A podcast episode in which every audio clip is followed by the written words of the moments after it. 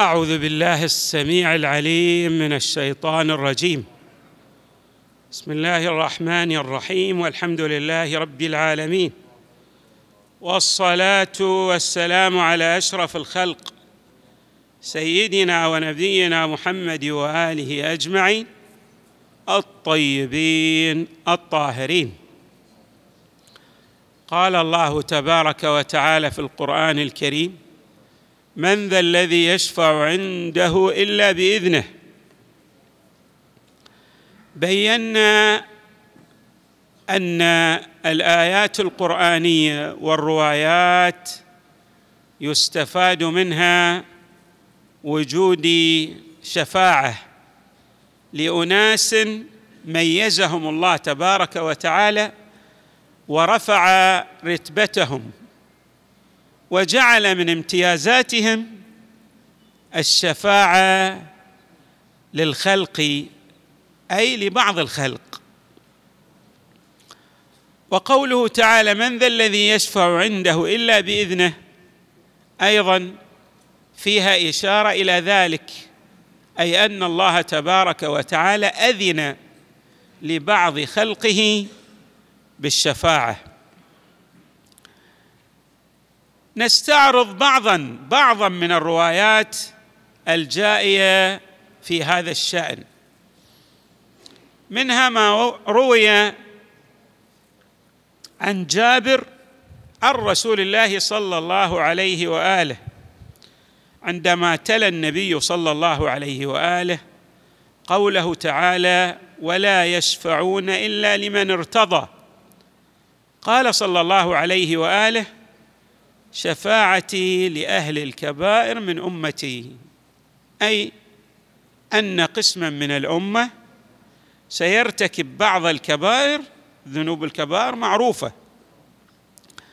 ولكن مع ذلك سينال شفاعة النبي صلى الله عليه وآله إما لتوبته قبل موته أو لأنه عمل بعض الحسنات التي يستفاد منها أو توجب له الشفاعة يعني عطف النبي صلى الله عليه وآله عليه. أيضا رواية أخرى عنه صلى الله عليه وآله يقول فيها تعلموا أن الله يشفع المؤمنين يوم القيامة بعضهم في بعض أي ليس فقط الشفاعة خاصة به صلى الله عليه وآله بل أن هناك امتيازات لبعض المؤمنين. بهذه الامتيازات الله يرفع درجتهم ويجعلهم يشفعون لبعضهم.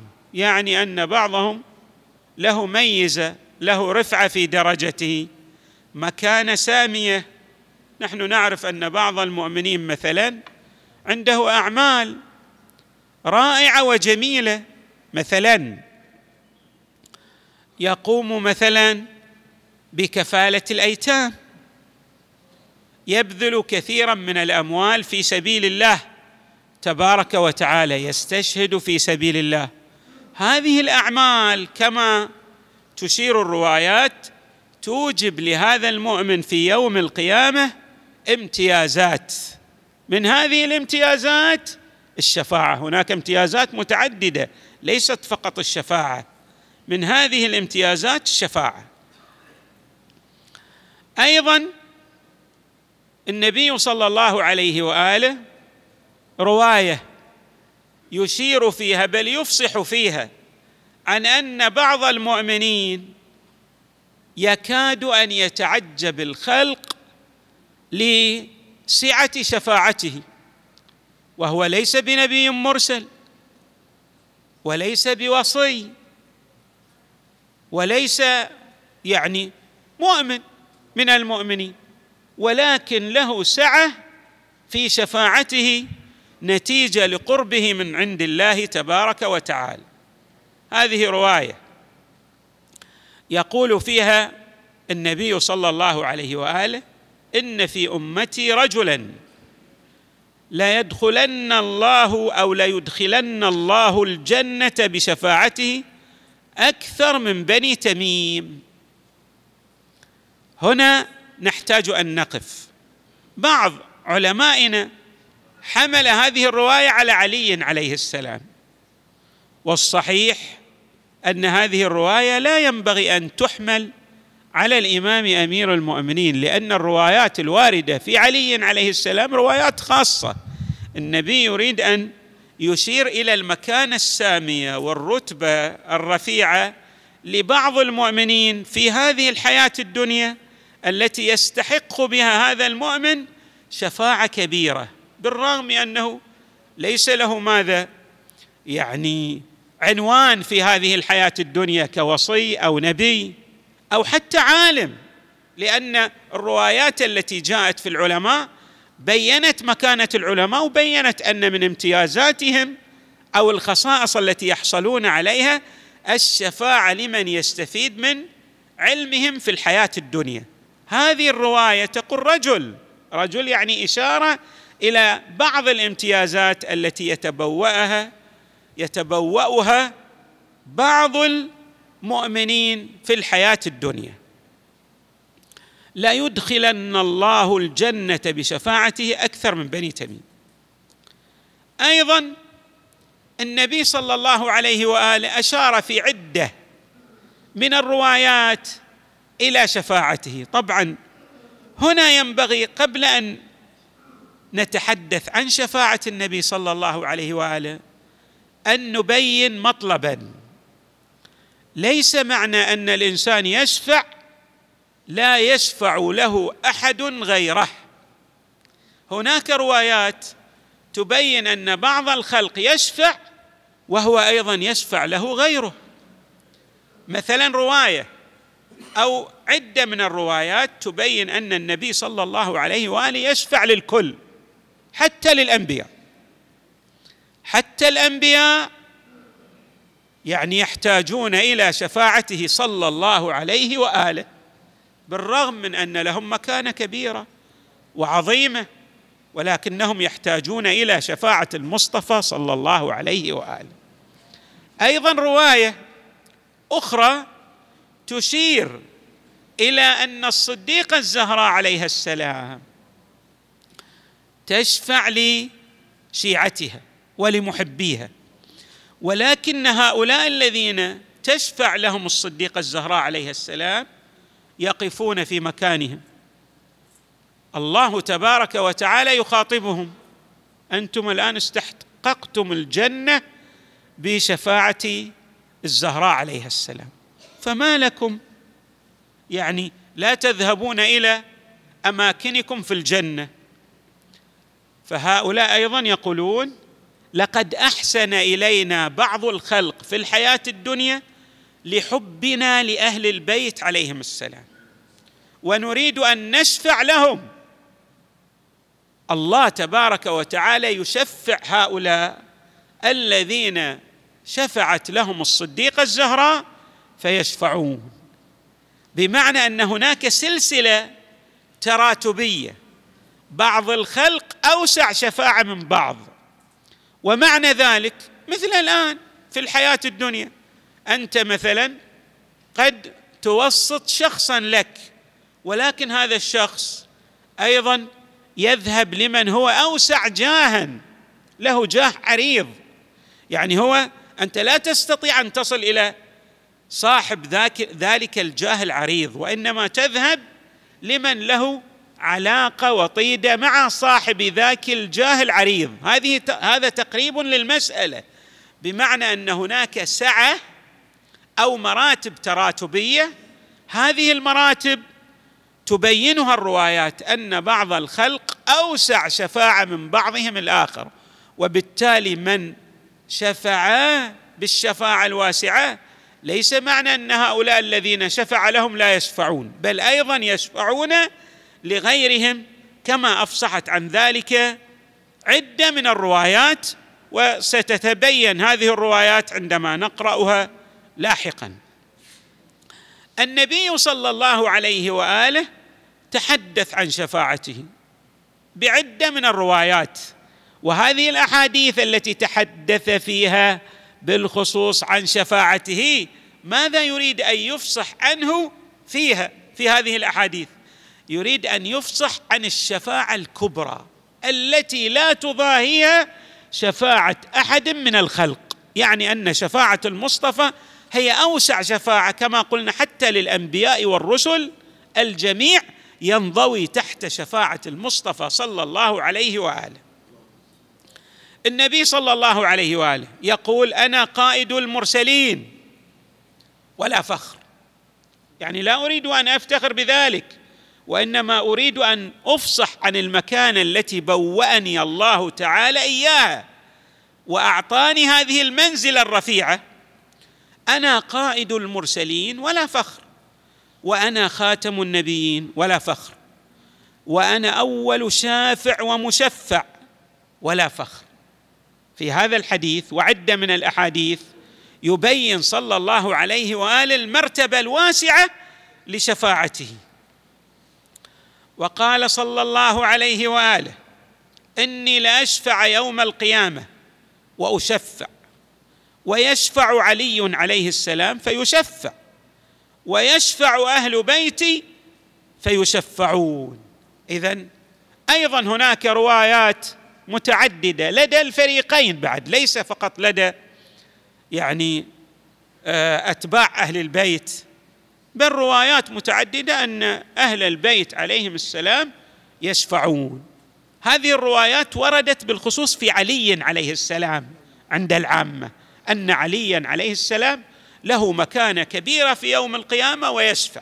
عندنا وعند العامة روايات في علي أنه من الشفعاء يوم القيامة. من جملة الروايات هذه الرواية التي ذكرناها ولكن هذه تذكر جميع أهل البيت عليهم السلام. وقال أيضا هناك أيضا أمور أخرى توجب الشفاعة. مثلا لاحظوا الإنسان الذي يبذل المال هذا المال الأموال التي ينفقها الإنسان في الحياة الدنيا يستفيد منها في موقف يوم القيامة. يعني تصبح له ظلا ظليلا. لا ينال ذلك السغب والنصب الذي يناله غيره ممن لا يبذل أمواله في الحياة الدنيا. لاحظوا هذه الرواية. قبل أن نأتي بهذه الروايات التي تتحدث عن المال نشير إلى بعض الروايات الأخرى مثلا الرحم يشفع الامانه الإنسان الأمين الذي إذا اؤتمن أدى الامانه لمن ائتمنه. طبعا روايات متعددة وكثيرة تحض الإنسان على أدائه للأمانة وأهمية أداء الأمانة حتى لمن ماذا؟ لمن ساء لمن أساء إليك في تعامله وإياك. لا ينبغي أن تكون إساءته إليك موجب ماذا؟ لخيانتك للأمانة. هذه روايه أيضا تشير إلى أن هناك بعض الأشياء الإنسان آه، تشفع للمؤمن في يوم القيامة. من جملتها النبي صلى الله عليه وآله يقول الشفعاء خمسة. القرآن الكريم يعني الإنسان الذي يرتبط بالقرآن الكريم. في الروايات أوضحت كيفية الارتباط بالقرآن الكريم بنحوين. النحو الأول يسمونه الحال للمرتحل يعني الذي يختم القرآن ثم ينتهي من ختمه فيبدأه مرة أخرى ويختمه مرة ثانية. حال نسميه الحال للمرتحل أو تسميه الروايات الحال للمرتحل. النحو الثاني من الروايات التي أبانت الشفاعة للقرآن الكريم تقول هو لمن يجسد القرآن في سلوكه. القرآن فيه أحكام. هذا الإنسان يلتزم بما جاء في القرآن ويطبق القرآن على شخصيته بحيث لا يتعدى حدود الله تبارك وتعالى لئلا يكون ظالما لنفسه. نعم. الشفعاء خمسة القرآن والرحم. الإنسان يشفع لأرحامه. نحن نعرف العلقه الوطيده بين الأرحام. فالإنسان المؤمن عنده شفقة على أقاربه وأرحامه. فإذا بوأه الله مكان مرموقه في يوم القيامة أيضا كما كان يصل رحمه في الحياة الدنيا أيضا يصل هذا الرحم في عالم القيامة ويشفع لبعض أرحامه الذين يستحقون الشفاعة فيأذن الله تبارك وتعالى له بالشفاعة لهم. القرآن والرحم والأمانة ونبيكم صلى الله عليه وآله. صلوا عليه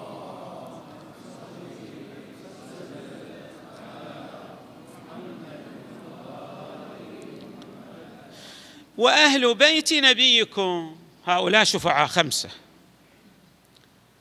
أيضا تبين بعض الروايات أن هؤلاء الذين يشفعون لا تتصور أنه يشفع لشخص أدنى المؤمنين شفاعة يوم القيامة يعني من مكنهم الله من الشفاعة. ليس كل مؤمن يشفع بعض المؤمنين يشفع. لكن أدنى المؤمنين الذين يمكنهم الله للشفاعة ماذا؟ يشفع في أربعين شخصا. هذه مكانة كبيرة. يدخل أربعين شخصا ممن استحقوا العذاب ودخول النار يدخلهم الجنة. فاذا هناك روايات تتحدث عن سعة الشفاعة في يوم القيامة وأن هذه الشفاعة للنبي صلى الله عليه وآله لأهل البيت للقرآن للرحم لأداء الأمانة. وهناك أيضا روايات سنستعرض هذه الروايات لنبين ما ورد فيها من حيثيات متعددة تدلل على أن الشفاعة ليست بخاصة للمصطفى صلى الله عليه وآله أو لأهل البيت أو للأنبياء والرسل بل لها امتدادات متعددة. نسأل الله تبارك وتعالى أن يجعلنا مع محمد وآله البررة الميامين في الدنيا والآخرة. وصلى الله وسلم وزاد وبارك على سيدنا ونبينا محمد وآله أجمعين الطيبين الطاهرين.